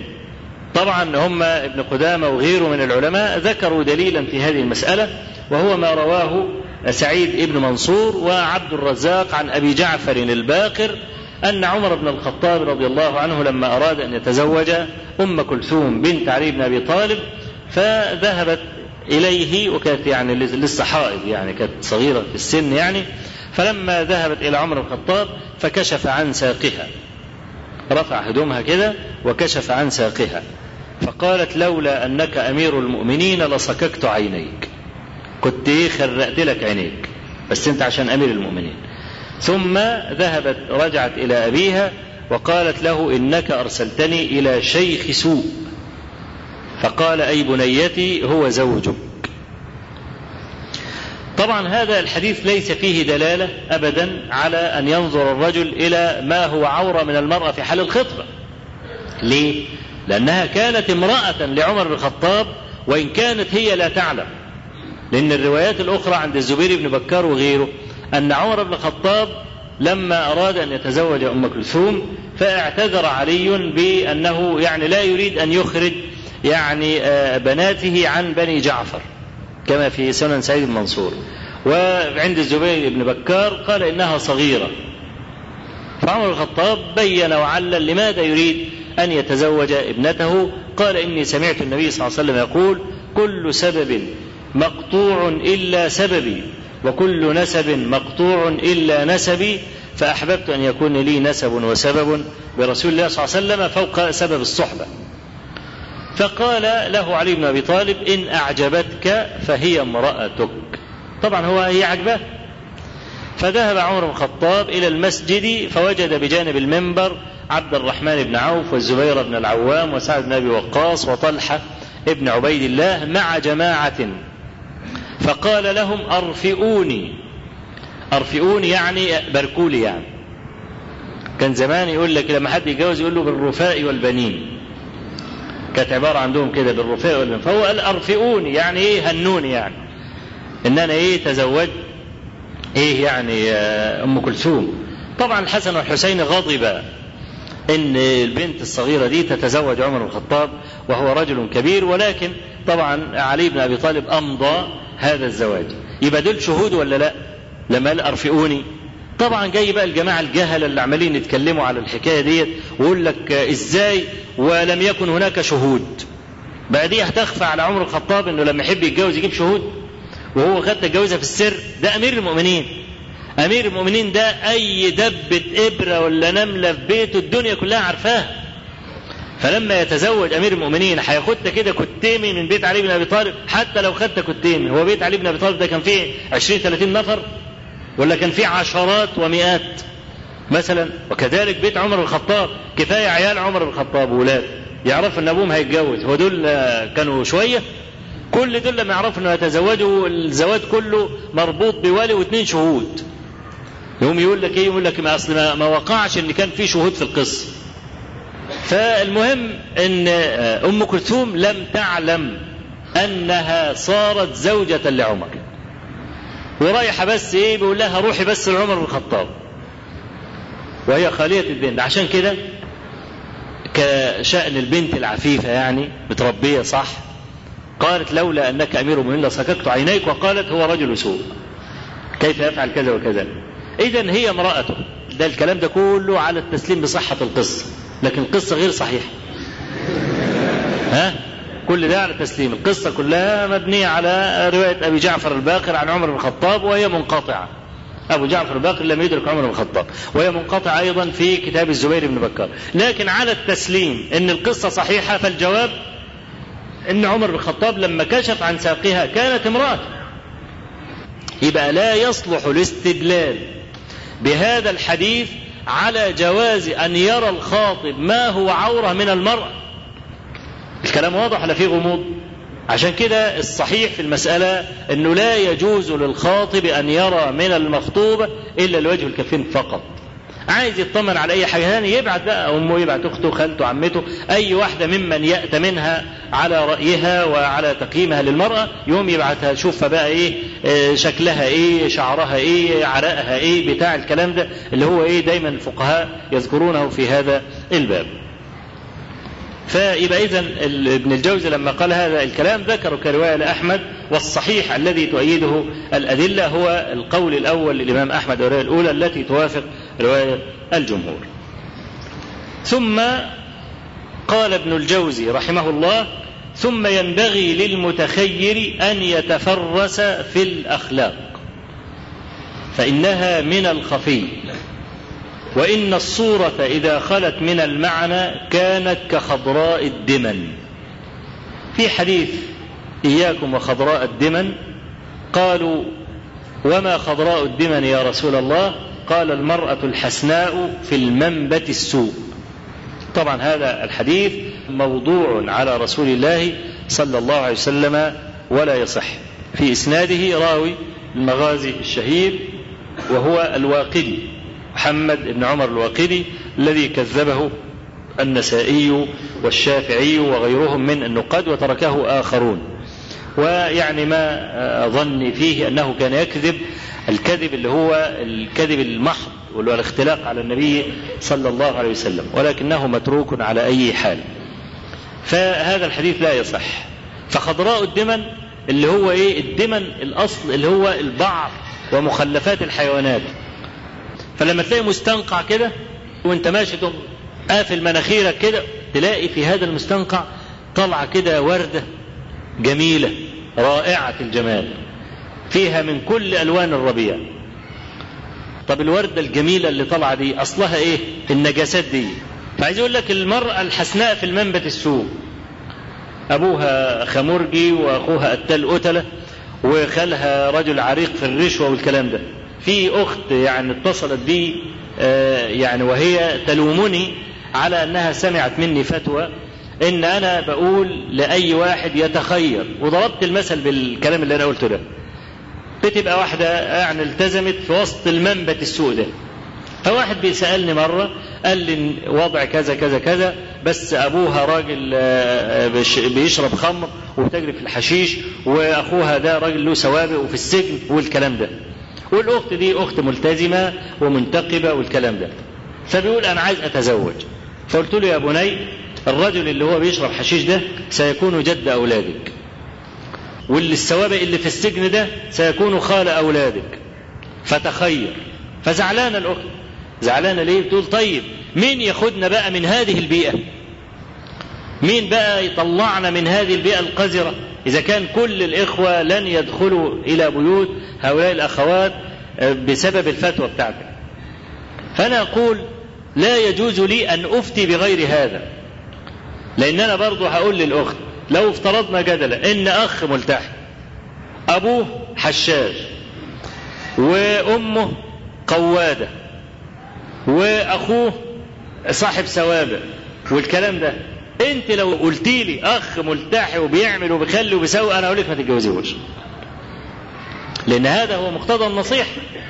لكن من قوي قلبه على أن يدخل إلى مثل هذه الأسرة ودي كلها بتبقى أسباب. أنا ممكن أقول له ما تروحش يروح ويتزوج. وممكن تبقى البنت ممتازة ولكن نحن لنا الظاهر. ما نقدرش نطلع بره هذه الظواهر. والعرق دساس وإن كان الحديث ضعيفا ولكن المعنى صحيح. ورد فيه آثار عن أصحاب النبي صلى الله عليه وسلم. أما القول مطلع الحديث تخيروا لنطفكم فقد قواه شيخنا الألباني رحمه الله وإن ضعف سائر الحديث تخيروا لنطفكم فإن العرق دساس. قال لك هو الصحيح الحديث تخيروا لنطفكم أما قولوا فإن العرق دساس فهذا لا يصح عن النبي صلى الله عليه وسلم. فهو يعني التخير بقى. هذه المرأة صح التزمت وكل حاجة لكن ما يؤمنني كرجل متقدم لها أن تكون شربت كل هذه الآفات. ما يؤمنني أن تكون صاحبة عرامة في أخلاقها وفساد في ذوقها وإن كان هي يعني ملتزمة في الظاهر. وأنا عندي بقى من المسألة دي نماذج. آه بتبقى برضه كويس منتقبة وبتاع وتزوجت وبعدين ترجع بقى ريما لعادتها القديمة هي بنت أبوها وبنت أمها. تغضب من جوزها أبوها بقى يقول لها تعالي بقى ما نربيه ويروح هناك ويحفى بقى رايح جاي ومش تلفزيون بس والكلام لا في جوزة وبتاع وريحة الحشيش طالعة والحدوتة دي. أنا بقى إيه تاخد الست الأولاد وتروح عند أبوها وتروح عند أمها اللي هي في الوضع ده. ده مين يحل هذا الإشكال الكبير؟ فده ليس تخذيلا مني بمعنى إن أنا بقول لكل الأخوات دول يتركوا الالتزام لا سوف يسبب الله عز وجل الأسباب لزواج هؤلاء الأخوات. لكن مقتضى النصيحة يقتضيني ويوجب علي ألا أحيد عن مثل هذا الكلام. فالأخلاق بقى والتربية وده هذا لا يعرف إلا بالبيت. يعرف بالبيت. تسأل كويس جدا عن أبيها وعن أمها وتسأل الجيران. الناس دول لهم مشاكل مع الجيران كل يوم في مشكلة ولا لأ؟ مسلمين ولا ناس وحشين ولا الكلام. إذا وجدت أن الجيران تكلموا عنهم بكلام حسن فهذا ينبئ إجمالا عن أخلاق هذه المرأة. ابن الجوزي بعد كده دخل في مسألة مهمة جدا ويقول وفراغ النفس من الاهتمام بما حصلت من رغبات أصل عظيم يوجب إقبال القلب على المهمات. المهمات اللي هو النسل بقى. بعد ما أنا تخيرت المرأة وتعبت على ما جبتها والكلام ده طب إحنا عايزين نتجوز ليه بقى؟ نتجوز عشان إيه؟ حتى نقيم حدود الله. يبقى أنا بعد ما تزوجت وسكن قلبي من هذا المهم عندنا أهم منه. ينبغي أن نفرغ قلوبنا له. وجاب أصل بقى أو الدليل على هذا الأصل. قال ولهذا جاء في الحديث لا يقضي القاضي بين اثنين وهو غضبان الحديث ده رواه الشيخان من حديث أبي بكر رضي الله عنه. أن ابنه عبيد الله ابن أبي بكر كان قاضيا على سجستان فأرسل إلى أبيه خطابا يعني كأنه يستنصحه فكتب إليه أبوه. كتب له عبد الرحمن ابن أبي بكر ابنه برضه كتب له لا تقضي بين اثنين وأنت غضبان فإني سمعت رسول الله صلى الله عليه وسلم يقول لا يقضي القاضي بين اثنين وهو غضبان. ليه؟ لأن الغضب يزيل العقل. خمر العقل الغضب. فإذا زال عقل المرء لم يكن متزنا في أحكامه. عشان كده ألحق العلماء ما يكون مثل الغضب في تهييج العقل والتشويش عليه زي الجوع الشديد زي النوم الشديد أو غلبة النعاس على الإنسان. ما ينفعش يقضي وهو حينام. النبي عليه الصلاة والسلام قال إذا نعس أحدكم فليتحول. وفي الحديث آخر قال إذا نعس أحدكم فلينم فلعله أراد أن يدعو لنفسه فيسبها. واخد بالك؟ هو طبعا كده اللهم خذه أخذ عزيز مقتدر يقول اللهم خذني أخذ عزيز مقتدر مثلا نايم مسطول عايز يدعي على واحد يقوم قلبها على نفسه فلعله يستجاب له كما في حديث جابر في آخر صحيح مسلم. النبي صلى الله عليه وسلم قال إيه؟ قال إن فيه يعني ساعات توافق الاستجابة. فلا تدعوا على أنفسكم ولا أولادكم ولا أموالكم إلا بخير.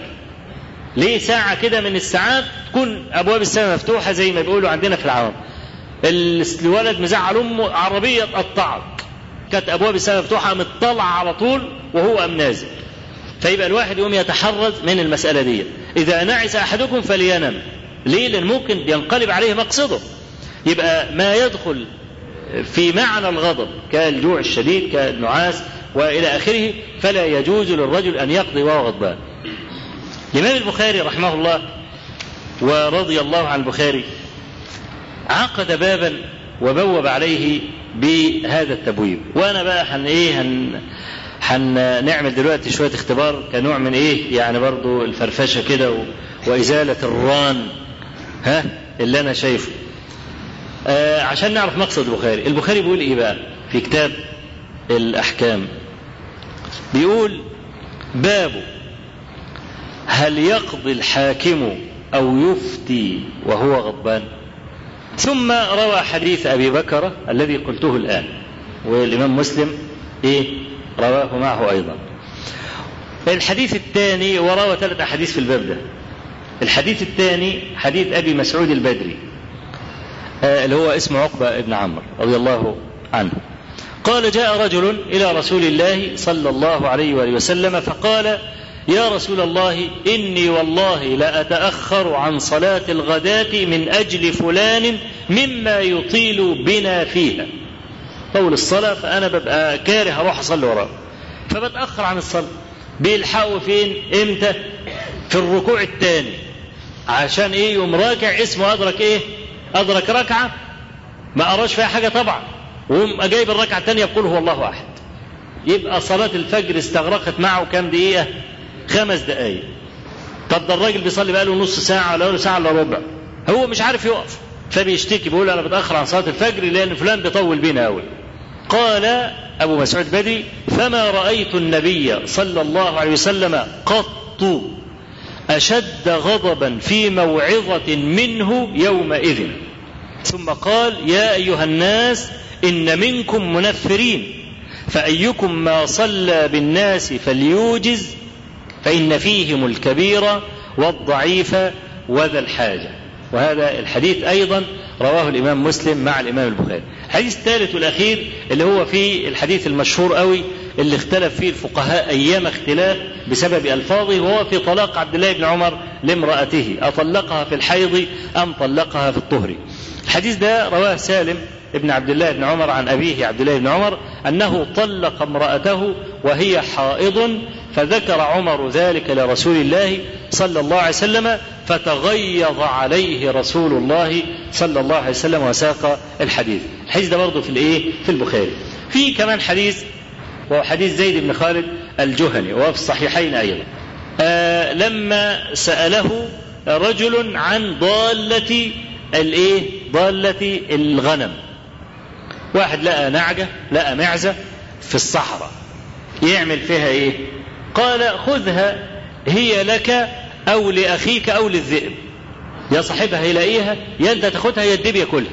ليه؟ لأن في الآخر نعجة ما هتجري فين النعجة دي من الديب؟ قال له طيب اللقطة قال له عرفها سنة. فإن جاء صاحبها فادفعها إلى ربها وإلا فاستمتع بها.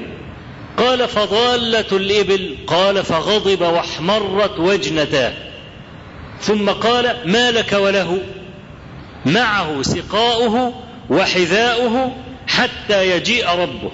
اللي هو مالكه يعني. ليه؟ لأن الجمل يقدر يقاوم. الديب يحاول يعمل بيعافر معاه. وبعدين الجمل سريع جدا. كمان يقدر يجري يعمل سبق مع الديب ويرجع بيه والكلام ده ويناور وفي الآخر ممكن يغيب بالاربع خمس ست أيام آه بياكل ويشرب بيجتر بقى الخزين اللي عنده. تمام؟ والأصل في أموال الناس العصمة. صحش حد يمد إيده على فلوس غيره أو على ملك غيره. طالما إن الجمل ده هو ممكن يغيب بالاربع خمس أيام ويقاوم والكلام ده هو يبقى الأصل في مال الناس العصمة. ما تمدش إيدك عليه. إنما أذن له في الغنم لأن هتموت أو الديب هيأكلها والأصل إنك تصون المال سيا لك أو لغيرك وكذلك اللقطة فالشاهد فغضب واحمرت وجنتاه البخاري بعد الثلاث أحاديث أنا طبعا أضفت حديث رابع علشان بس إيه لأنه يجري في نفس النظام البخاري عايز يقول إيه بقى؟ هو بوب بسؤال ولم يجزم بالحكم. إنما قال باب هل يقضي الحاكم أو يفتي وهو غضبان. عايز يقول إيه البخاري؟ البخاري في التبويب قال حاجتين. قال هل يقضي الحاكم أو يفتي؟ يبقى عندي قضاء وعندي فتوى. خلاص؟ عندي قضاء وعندي فتوى. في القضاء ألا يقضي وهو غضبان. وفي الفتوى أجاز الفتوى في الغضب. شو البخاري وشفوف نظر البخاري ودقة البخاري. طبعا دي ليه؟ لأن العلماء يفرقون بين الفتوى والحكم. لأن يعني مثلا في في في السعودية مثلا لما كان حد مثلا يكون مطلق مراته ويروح كان يروح لفضيلة الشيخ ابن باز رحمة الله عليه. ما كانش يفتيه يقول له روح المحكمة. ليه ما يفتوش ليه؟ المحكمة حكمها نافذ لأن دي دولة وفي قضاء وفي أجهزة تنفيذية اللي هي الشرطة. الراجل ده طلق مراته طلقة التالتة البائنة. طب عايزين عفشة. يبقى حكم القاضي واجب النفاذ. عشان كده القاضي لازم يجيب الاثنين قبل بعض. ما يقضيش لواحد على التاني والتاني غايب. إنما المفتي يفتي للحاضر. وما يشترطش يقول له احتمال تكون كلامك غلط هات التاني أما إيه؟ أما يشوف هيقر ولا لا. الفتوى غير الحكم. طبعا ده فيما يعني عدا رسول الله صلى الله عليه وسلم. لأن فتواه حكم. لكن النهارده البخاري في الحديث الأولاني قال لك هل يقضي الحاكم أو يفتي؟ وهو غضبان. العلماء قالوا بناء على هذا الحديث. لا يجوز للقاضي أن يقضي وهو غضبان. ليه؟ للعلة اللي إحنا قلناها قبل كده.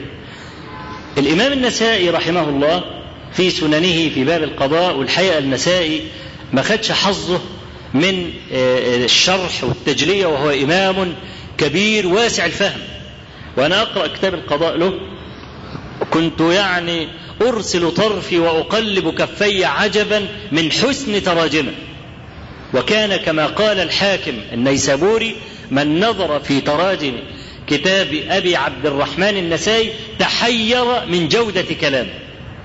الكتاب القضاء في الجزء الثامن من سننه كتاب المتبع. عايزك تراجعه كده وتقرأ بس تبويب النسائي على هذه الأحاديث. من ضمن الأبواب اللي النسائي عقدها وإن كنا لا نوافقه عليها قوله باب الرخصة للحاكم الأمين أن يقضي وهو غضبان. وأورد فيه حديث عبد الله بن الزبير عن الزبير وهو في الصحيحين لما اختصم الزبير هو وجار له في سقيا الأرض أرض الزبير في العالي أرض الأنصار أخفض منها الأنصاري أراد أن يسقي قبل الزبير. الزبير قال له المية ما بتطلعش في العالي إلا إذا كانت قوية ومتوفرة. أرضك يعني واطية أي كمية مية الأرض هتستوعبها. فسيبني أنا إيه أروي الأرض بتاعتي الأول. قال له لا. اختصموا ذهبوا للنبي صلى الله عليه وسلم. فالنبي صلى الله عليه وسلم قال اسق يا زبير ثم أرسل الماء إلى جارك. فقال له الأنصاري أن كان ابن عمتك حكمت له عشان هو ابن عمتك يعني وحابيته وهذا الأنصاري كان رجلا بدريا. فتلون وجه النبي صلى الله عليه وسلم وغضب وقال اسق يا زبير ثم احبس الماء. تديلوش ميه مش هيروي ارضه قال فأحسب أنه نزل فينا قوله عز وجل فلا وربك لا يؤمنون حتى يحكموك فيما شجر بينهم. طبعا الاستدلال بتاع الإمام النسائي لا يعني يخدمه هذا الحديث فيه لأن النبي صلى الله عليه وسلم معصوم معصوم فقوله في الغضب كقوله في الرضا كما في الحديث الذي رواه أبو داود وأحمد والحاكم وهو حديث صحيح. عن عبد الله بن عمرو بن العاص قال كنت أكتب كل شيء أسمعه من رسول الله صلى الله عليه وسلم فقالت قريش له إن رسول الله صلى الله عليه وسلم بشر من البشر وإنه يغضب كما يغضب البشر. فقال فأمسكت عن الكتابة خشية أن يقول في غضبه ما لا يقوله في رضاه يعني. فقال فقلت ذلك لرسول الله صلى الله عليه وسلم فقال اكتب فوالذي نفسي بيده ما يخرج منه إلا الحق وأشار إلى فيه. صلى الله عليه وسلم. فغضبه ورضاه سيان فلا يجوز أن يلحق برسول الله صلى الله عليه وسلم المعصوم من ليس بمعصوم حتى وإن كان فاضلا. ليه؟ لأن الإنسان في ساعة الغضب قد يقول الكلام الذي يتعجب من نفسه. كيف قاله؟ إذا كان هادئا في ساعات الرضا. ولا يعني أجد مثلا أقرب إلى يعني ذهني من حديث عبد الرحمن بن أبي بكر الصديق. لما آه هذا الحديث في الصحيحين وطبعا أبو بكر الصديق هذا صديق الأمة الأكبر وأفضل الناس بعد رسول الله صلى الله عليه وآله وسلم. ومع ذلك وقع منه شيء في في غضبه هو نفسه يعني ندم عليه بعدما فاء إلى رضاه. حديث كما قلت عبد الرحمن ابن أبي بكر الصديق رضي الله عنه قال نزل علينا أضياف لنا. عشان تعرف الرجل الفاضل في غضبه قد يقول الشيء الذي لا يحب أن يقوله في رضاه. قال نزل علينا أضياف لنا. قال وكان أبي يتحدث مع رسول الله صلى الله عليه وسلم من الليل. يعني يفضل سهران معاه إلى وقت متأخر من الليل. قال فانطلق وقال يا عبد الرحمن افرغ من أضيافك. عشيهم وهيئ لهم متكأ والكلام ده لحد ما يرجع من عند النبي صلى الله عليه وسلم. قال فلما أمسيت جئناهم بقراهم. القراء اللي هو إيه؟ ما يقدم للضيف. قال فأبوا وقالوا حتى يجيء أبو منزلنا. اللي هو صاحب البيت يعني. فيطعم معنا. فقلت لهم إنه رجل حديد شديد علي وعنده حدة. وفي المسألة مكارم الأخلاق والحاجات المروءات والكلام ده لما بيغضب ما فيش حد يعرف يقف معاه. وهذا كان معروفا عن أبي بكر الصديق حتى زي حديث سقيفه بني سعيد الذي رواه البخاري في كتاب الحدود باب رجم الحملة من الزنا وهو بيتكلم عن كيفية اختيار أبي بكر الصديق خليفة والكلام ده. قال عمر وكنت أداري منه الحد. خفت أن يحتد في أثناء الكلام على أمر عظيم زي دهوت فيعني فكلمة أداري منه الحد إشارة إلى إيه؟ إلى هذا الذي يقوله عبد الرحمن إنه رجل حديد وإنكم إن لم تفعلوا خفت أن يصيبني منه أذى. قال فأبوا. فلما جاء لم يبدأ بشيء أول منهم. أول ما دخل راعى الضيوف عشان يطمن أكلوا ولا ناموا خفيف. ها؟ لا على طول طبعا. ليه؟ لأن أنت عارف الأضياف دول يعني كان عند العرب الكرم والكلام ده والشرع جاء ثبت المسألة. فالضيف له ثلاثة أيام وجوبا يعني. وما زاد عن ذلك فهو صدقة كما قال النبي صلى الله عليه وسلم. فأول ما دخل على أهل البيت على طول اكلت الضيوف. فرغت من أضيافكم؟ قالوا لا. فقال أين عبد الرحمن؟ طبعا عبد الرحمن أول ما عرف إن أبوه جه استخبى. ليه؟ لأنه عارف قبل ما يعني يسمع منه هيسمعه كلمتين مش يعني مش كويسين يعني. فلما قال أين عبد الرحمن؟ ما لقاهوش يا غنثر يا غنثر يعني يا زي خنزير يعني أو يا غبي أو حاجة زي كلمة زي كده تجري في هذا الإيه؟ في هذا المضمار. يا غنثر بيدور عليه مش لاقيه أقسمت عليك إن كنت تسمع صوتي أن تخرج. قال فخرجت وتشوف ده الواد المتربي بقى. خرج. مش يفضل مستخبي وابوه يبعد ينبح في صوته ويلف في البيت والكلام ده. ليه؟ لأنه قال له أقسمت عليك. طالما أنه أقسم عليه فلا يحنثه. قال فجئت فقلت والله ما لي ذنب. هؤلاء أضيافك فسلهم. قد أتيتهم بقراهم فأبوا أن يطعموا حتى تجيء. فدخل عليهم بقى وهو محتد. قال ما لكم ألا تقبلوا عنا قراكم؟ إحنا قدمنا لكم ما أكلتوش ليه؟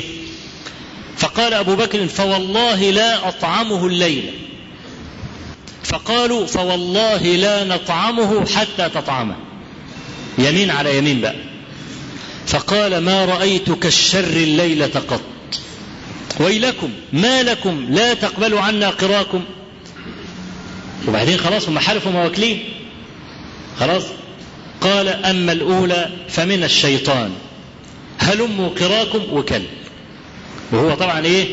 حلف وهم حلفوا. من الذي بر في يمينه ومن الذي حنث؟ هم بروا وهو حنث. لأنه حلف مواكل وهم حلفوا مواكلين إلا لما يأكل. فهو لما أكل يبقى إيه؟ حنث في يمينه. وهم لم يحنثوا لأنهم ما كلوش إلا لما كل فلما أصبح أبو بكر الصديق وطبعا اليمين ده تعبه. أن يحنث في هذا الاسم العظيم الذي قامت به السماوات والأرض. جماعة اللي عمالين يحلفوا كل حلاف مهين. اسم ربنا أرخص حاجة عندهم في الأسواق والبيع والشراء وعشرمية يمين. إن الجاموسة دي جايبها بقد كده وأبيعها بقد كده وبايعها بالخسارة والكلام ده ويحلف باسم الله العظيم عشان يطلع ب 100 جنيه ولا 200 جنيه زيادة. فأبو بكر الصديق يعني ما كاد أن ينام الليل بسبب المسألة. فلما أصبح جاء النبي صلى الله عليه وسلم وحكى له الحكاية. وقال يا رسول الله بر وحنثت قال بل أنت أبرهم وأخيرهم. رغم إن أنت يعني كده أنت أبرهم وأنت أخيرهم. ولم يذكر كفارة. لم يذكر كفارة للحنث مما يدل على أن هذا داخل في لغو اليمين. إنك أنت تقول والله لا تأكل دلوقتي. والله لا انت جاي والله لا انت قاعد وقال لك لا مش قاعد لا مش جاي لا مش واكل. لا كفارة في هذا لا يؤاخذكم الله باللغو في أيمانكم أي ما يجري من إيه؟ من مثل هذا الحلف الذي لا يقصد به إيه؟ يعني حقيقة الحلف وعقد القلب عليه. فانظر يعني إلى مثل أبي بكر الصديق رضي الله عنه هناك مواقف زي كده يعني. فلا شك أنه في باب الغضب لم يكن كحاله في باب الرضا. وده أفضل رجل بعد رسول الله صلى الله عليه وآله وسلم. لذلك أنا أرى إن تبويب الإمام النسائي واحتجاجه بهذا الحديث ليس دقيقا. بل هذا خاص برسول الله صلى الله عليه وسلم ومن عداه فلا يجوز له أن يقضي وهو غضبان. أقول قولي هذا واستغفر الله العظيم لي ولكم. أخي الكريم تتمة هذه المادة على الشريط التالي.